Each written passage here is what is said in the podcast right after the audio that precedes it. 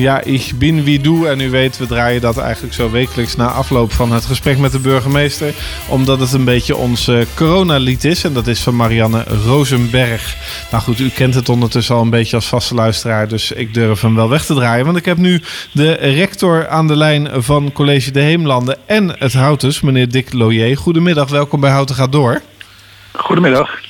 Ja, um, hartelijk welkom. Wij, uh, wij praten met elkaar over de COVID-situatie en dan met name de gevolgen voor de beide scholen waar u rector van bent. En als ik het goed heb begrepen, um, is een van die scholen, het Houten, sinds afgelopen vrijdag een week gesloten. Klopt dat? Dat klopt, ja. Dat Wij is een uh, forse voor... maatregel. Vertel. Dat is zeker een forse maatregel. die hebben we moeten nemen omdat in een eigenlijk hele korte tijd het aantal besmettingen onder leerlingen en medewerkers snel opliep. En om die reden uh, eigenlijk het niet meer lukte om ons lesrooster ook goed te kunnen draaien. Daardoor kinderen veel tussenuren kregen. En ja, wat we niet willen hebben is dat kinderen heel veel door de school heen gaan lopen. Want dat uh, willen we zoveel als mogelijk beperken. Uh, kinderen ook niet uh, met z'n allen in de aula opvangen.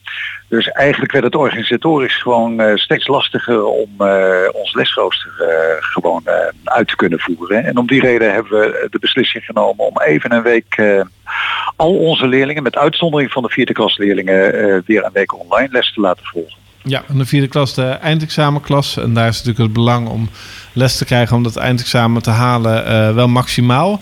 Um, ja, ik, ik heb u al wel eens vaker geconfronteerd met het feit dat ik ook nog wat kinderen thuis heb. Dus het ook van die kant een beetje meekrijg. Um, er zijn mensen die zeggen van ja, dat half op, half af. Hè. De ene dag wel in de klasles, de ene helft van de klas. En de andere helft online. En dan de volgende dag precies weer andersom. Is het nou eigenlijk wel zoveel beter dan gewoon online les? Waardoor de docent zich alleen maar hoeft te concentreren op één medium, namelijk de computer. Ja, ja. Nou, heel terecht. Dat kun je af en toe best wel afvragen. Voor docenten is dat zwaar, want uh, die moeten hun aandacht verdelen over uh, leerlingen die in de klas zitten. De helft ongeveer. En de andere helft die thuis zit, die moet ook aandacht krijgen. Ja, dat is voor docenten ook heel erg lastig om dat uh, goed te doen. En ook docenten zeggen wel van het is veel effectiever als ik uh, een hele groep online uh, les kan geven. Maar er staat wel iets tegenover dat we het ook heel belangrijk vinden om kinderen weer op school te hebben. Kinderen ook weer te zien, om te kijken hoe het met ze gaat. En ja, dat is het voordeel van op deze manier werken. En het is ook gewoon een verplichting. de scholen zijn weer open gegaan. we moeten ons onderwijs op anderhalve meter afstand organiseren. Dus we hebben maar de helft van de ruimte in de klaslokalen. En dit is dan eigenlijk de enige mogelijkheid. Maar ideaal is het zeker niet. Nee, maar u zegt wij zijn verplicht. Um, uh, waar blijkt die verplichting dan uit? Ik bedoel, ik begrijp dat het kabinet dat roept. Maar u heeft er ook een verplichting om een minimaal aantal uren les te geven en dergelijke. Staat er echt ergens in een wet dat dit zo moet? Ja, nou eigenlijk, uh, er wordt uh, voor onze sector worden er afspraken gemaakt met het ministerie van uh, Onderwijs. Ja, en in die afspraken is gezegd van het is heel belangrijk voor kinderen dat de scholen weer open gaan. dat kan als we anderhalve meter afstand ook tussen leerlingen onderling weten te bewaken. Ja, en dan is het inderdaad ongeveer zo dat je dan de helft van je leerlingen op school kunt hebben. En ja, dat willen we dan ook wel heel graag nakomen, die afspraak die gemaakt is. Ja, het volgt dus eigenlijk uit het afstandscriterium, begrijp ik als ik u... Ja, dat is eigenlijk de belangrijkste uh, reden daarvoor. En ja, normaal gesproken kunnen er tot maar liefst 30 kinderen in een klaslokaal zitten. En dat zijn er dan nu maximaal 15. Ja, uh, nog een andere vraag, want uh, we hadden het net even over de examenklassen. Dat zijn natuurlijk uh, um, 4 VMBO, 5 HAVO en 6 VWO. Hè. En dan praten we ook over het college de Heemlanden. de leerlingen ja. die nu in de voor-examenklassen zitten, die hebben vaak toch ook al wel vakken waarbij bepaalde punten en toetsen uiteindelijk mee gaan tellen voor dat eindexamen. Um, ja. worden die nou eigenlijk niet uiteindelijk het stiefkindje? Want die eindexamenleerlingen krijgen dit jaar alle prioriteit. En straks na afloop van corona, als we daarvan uit mogen gaan dat we in september weer naar school zouden mogen kunnen, als iedereen dan tenminste gevaccineerd is, dan uh, worden aan die leerlingen wel gewoon de hoge eisen gesteld, terwijl zij wel het hele coronajaar um, via corona-wijzige-achtige corona-manier les hebben gekregen. Ja, ja. Nee, dat. Uh is ook zeker iets waar wij aandacht voor hebben. Dat lossen we onder andere op door deze groep kinderen ook wat extra herkansingen te geven. en we hebben het hele volgende schooljaar nog om ook aandacht te besteden aan die leerlingen die bij bepaalde vakken achterstanden hebben opgelopen.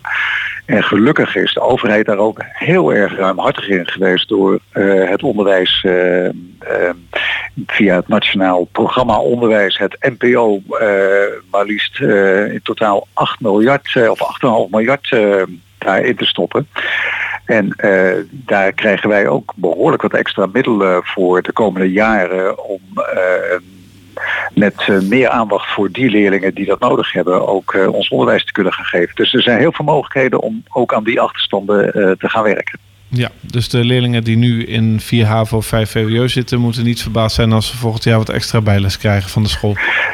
Nee, daar hebben wij heel veel mogelijkheden om uh, dat te doen. Nou kan ik me ook voorstellen dat dat voor lang niet alle leerlingen erg aantrekkelijk is om weer extra lessen te krijgen. Maar die leerlingen die dat nodig hebben en die dat willen, die krijgen dat. Ja, maar ja, dat is natuurlijk ook een spannende. Hè? Want wanneer heb je het nodig? Op het moment dat je kind uh, normaal gesproken gemiddeld tussen de 8 en de 9 scoort en nu tussen de 6 en de 7, dan zal het niet nodig zijn, want het is voldoende.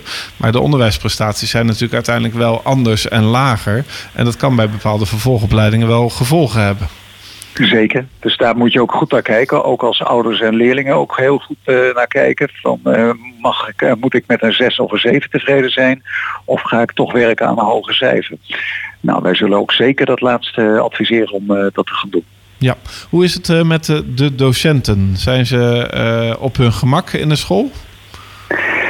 Ja, nou dat, uh, ze zijn blij dat ze weer naar school kunnen. Ze zijn heel erg blij dat er weer leerlingen in de school zijn. Maar wat ik net ook al even vertelde, van dat uh, die combinatie van online lesgeven en fysiek lesgeven, dat is voor docenten echt heel erg zwaar. Ja, dus wat dat betreft uh, kijkt men wel uit naar de vakantie eind april, begin mei. Uh, zeker, uh, daar kijken we altijd naar uit, naar dat soort momenten. Leerlingen, maar ook medewerkers. En dat is dit jaar uh, misschien nog wel wat meer dan anders. Helder. nog een laatste vraag. Um, het overgaan van de ene klas naar de andere klas. Um, de, de voorwaarden die daarvoor gelden, worden die ook versoepeld dit jaar? Ja, die zijn anders dan normaal gesproken. Uh, normaal gesproken is het zo dat wij echt een norm hebben van je mag maximaal zoveel onvoldoendes hebben en anders uh, ben je of een bespreekgeval uh, of blijf je zitten. dat doen we nu niet meer op basis van cijfers, want kinderen hebben ook al, doordat ze een tijd niet naar school zijn gegaan, ook veel minder cijfers daardoor gekregen. En we, we gaan nu veel meer werken ook op basis van de capaciteiten van kinderen, kijken hoe ze op dit moment uh, ook uh, functioneren. En uh, op grond daarvan kijken wat voor leerlingen het beste is. of misschien een jaartje overdoen. of wel door naar het volgende jaar, maar dan met wat extra ondersteuning voor die vakken waar je dat nodig bij hebt. En onze verwachting is, en dat hopen we ook echt, dat er niet meer dan anders kinderen blijven zitten. Ja, helder. Ik had toch nog een aller, allerlaatste vraag, sorry daarvoor. Die, die eindexamens, heeft u de tafeltjes alweer klaarstaan in de grote zalen? Of gaat het anders dit jaar? Nee, dat gaat gelukkig. Uh, wij wij, wij uh, mogen uh, de examens gewoon door laten gaan. Het gaat wel meer gespreid. leerlingen hoeven ook niet alle examens in het eerste tijdvak te doen, maar kunnen ervoor kiezen om een aantal examens ook in het tweede tijdvak te doen. Maar dat kan gelukkig gewoon op school. En dat doen we voor College de Heemlanden in de, de sportzaal. allemaal op ruime afstand van elkaar. En op Houters doen we dat in lokalen waar ook de leerlingen voldoende afstand van elkaar kunnen houden. Dus gelukkig gaan we dit jaar de eindexamens gewoon door. Ja, maar dan mis je dus wel een herkansingsmogelijkheid als je in de tweede termijn doet. Uh, nee, het is zelfs zo geregeld dat er ook nog een derde termijn uh, is. Ook allemaal dit schooljaar. Uh, dus de, het gespreid examen doen maakt het ook nog mogelijk dat je nog voordat de zomer begint ook een herkansing kunt doen. Oké, okay, en de leerlingen op het college De Heemlanden bereiden zich al wel voor op het gala? Ja, nou dat is een hele goeie, want dat willen leerlingen natuurlijk heel erg graag. onder het huidige regime kunnen we dat gala niet organiseren. En dan kijken we er echt naar uit of het uh, in uh, de loop van juni, juli uh, mogelijk is om dat wel te doen. Maar dat wordt nog heel erg spannend. Nou, helder. Volgens mij heb ik u het hemd van het lijf afgevraagd. En dat mag ook wel, want het is buiten heel warm. Dus ik wens u een hele goede middag en hartelijk dank voor uw bijdrage aan het programma Houten gaat door. Graag gedaan.